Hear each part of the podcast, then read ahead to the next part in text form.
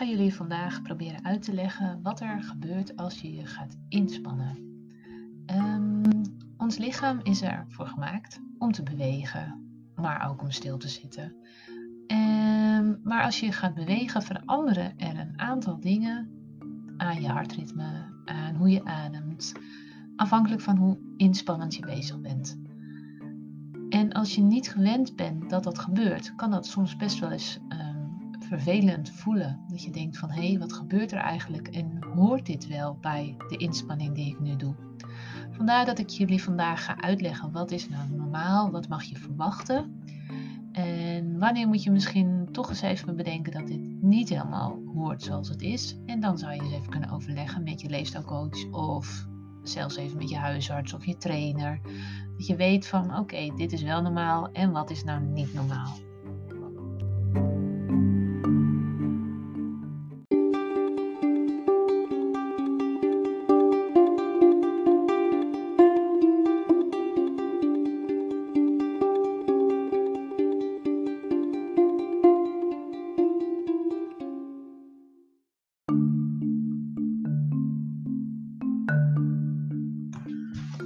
Op het moment dat je gaat bewegen, dat je vanuit stilstand of stilzitten gaat bewegen, veranderen er van binnen een aantal dingen. Je hart moet namelijk iets sneller gaan kloppen en je ademhaling moet iets gaan versnellen om ervoor te zorgen dat jouw spieren, die nu wat harder aan het werk gaan, voldoende uh, doorbloed worden met verse zuurstof. Want dat hebben ze nodig om de taken te gaan doen die jij graag gaat doen. Dus stel, Jij hebt lekker op de bank gezeten en nu bedenk je dat je een stukje gaat fietsen. Op het moment dat je gaat fietsen en bijvoorbeeld een beetje tegenwind hebt, gaat je hart wat harder pompen en wat meer bloed door je lichaam. Uh, zorg dat er meer bloed door je lichaam gaat pompen. Op dat moment kunnen jouw spieren meer zuurstof uit het bloed halen en kunnen ze hun werk beter blijven doen. Om dat mogelijk te maken moet het natuurlijk wel zo zijn dat je goed blijft ademhalen en dat je wat sneller gaat ademhalen, want je hebt meer zuurstof nodig. En dat ga je dus voelen als je een beetje gaat hijgen bijvoorbeeld. Of je voelt ineens dat je hart slaat, terwijl je dat normaal gesproken natuurlijk niet voelt. Dus dat zijn allemaal dingen die heel normaal zijn op het moment dat je wat gaat doen, dat je meer gaat inspannen noemen we dat. Als je conditie niet zo goed is, dan zal je merken dat dat sneller gebeurt dan dat je wel een hele goede conditie hebt. En dat komt omdat je hart dan wat minder, als je een goede conditie hebt, hoeft je hart minder snel veel en sneller te gaan slaan dan wanneer je een wat slechtere conditie hebt. Dus als je net begint met sporten of bewegen of inspannen, dan zal je merken dat je hart veel sneller snel gaat slaan dan wanneer je al wat langer bezig bent en dat je al wat meer gewend bent aan intensievere inspanningen leveren. Ook je ademhaling gaat zich aanpassen in de loop van de tijd. Als je net begint weer met sporten en bewegen, zul je merken dat je snel buiten adem bent. Dat merk je bijvoorbeeld ook als je een trap op, uh, snel een trap oploopt. Maar als je dat al wat meer gewend bent en je hebt het een paar weken achter elkaar gedaan, zal je gaan merken dat je niet meer zo buiten adem bent van diezelfde inspanning. Dat betekent dus dat je conditie beter wordt en dat je hart en je longen hun werk beter kunnen gaan doen, zodat jouw spieren ook beter voorzien worden van zuurstof.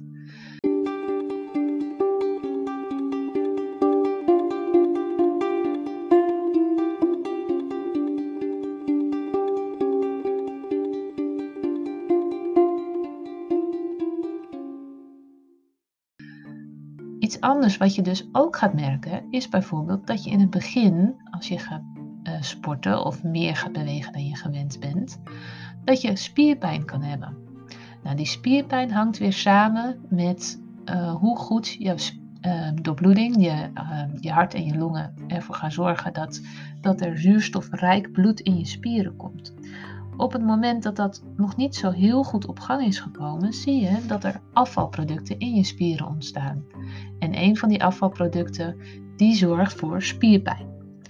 Nou, als je nou uh, bewogen hebt of gesport hebt en je merkt dat je spierpijn hebt, blijf dan niet stilzitten, want daar wordt het eigenlijk alleen maar erger van. Maar ga de dag erna ga wat rustiger bewegen. Dus niet met dezelfde inspanning, maar gewoon heel erg rustig. Stukje wandelen, stukje fietsen. En dan zul je merken dat die spierpijn sneller weggaat dan dat je de hele dag heel stil gaat zitten. Want dan blijven die zure producten ook in je spieren zitten. Een betere conditie en meer bewegen en meer sporten zorgt er ook voor dat je minder snel weer spierpijn krijgt. Dus dat zijn allemaal dingen waaraan je gaat merken dat als je een paar weken eh, bezig bent met het verbeteren van je conditie, een rol gaan spelen. Dus je hart gaat minder hard snel kloppen, eh, je raakt minder snel buiten adem en je krijgt ook minder last van spierpijn.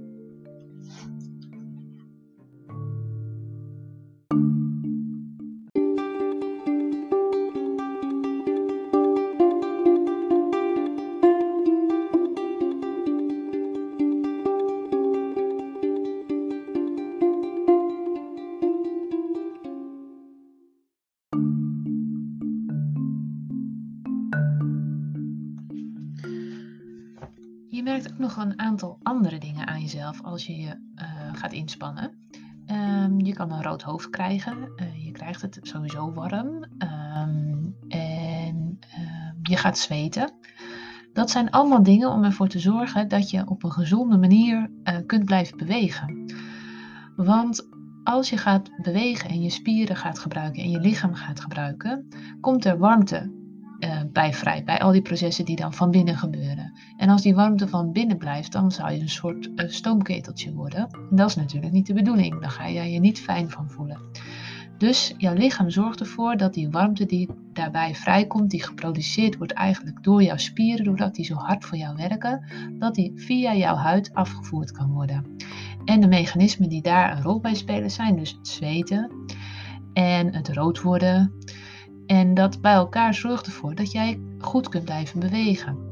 Ook voor deze dingen geldt dat op het moment dat je conditie verbetert, dat je ook zal merken dat je alweer minder snel zo'n enorm rood hoofd krijgt, tenzij je weer extra gaat inspannen. En ook zweten, dat kan ook komen door andere dingen, maar zweten door intensief sporten gaat ook een andere rol spelen. En nu is het met zweten niet zo dat het minder wordt, maar het wordt wel effectiever um, als je conditie verder verbetert. Um, ook je bloeddruk, daar gebeurt ook wat mee.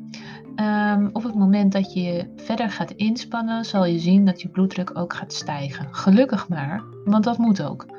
Um, want op die manier kun je ook blijven bewegen en gaat dus um, dat hele mechanisme van je hart en je longen die samenwerken om ervoor te zorgen dat jij goed kan blijven inspannen. Daarbij helpt die bloeddruk dan ook een handje.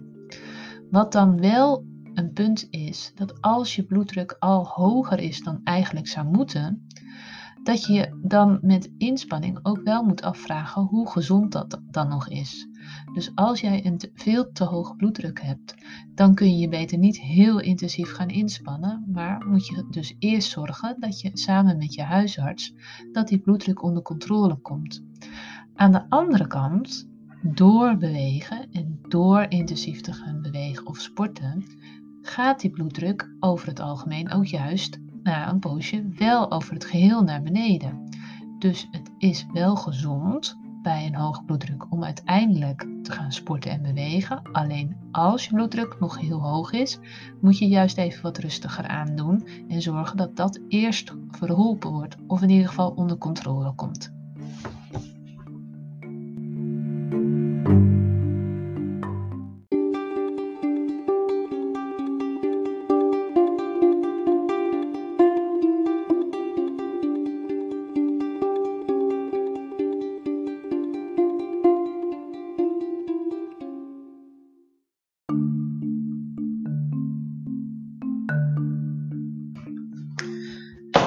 Is wat ik jullie vandaag wilde vertellen over bewegen, inspannen, wat er met je hart en je longen gebeurt, waar je op moet letten um, en wat dus belangrijk is om voor jezelf te weten wat normaal is en waar je uh, hulp moet vragen aan je leefstijlcoach.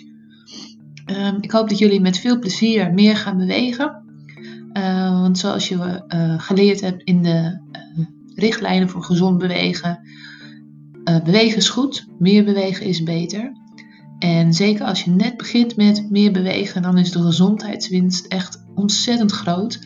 Dus heel veel succes. Uh, wij hopen jullie allemaal daar goed in te kunnen ondersteunen om ook dit stukje op te gaan pakken en uh, plezier te krijgen in bewegen en misschien zelfs wel in sporten.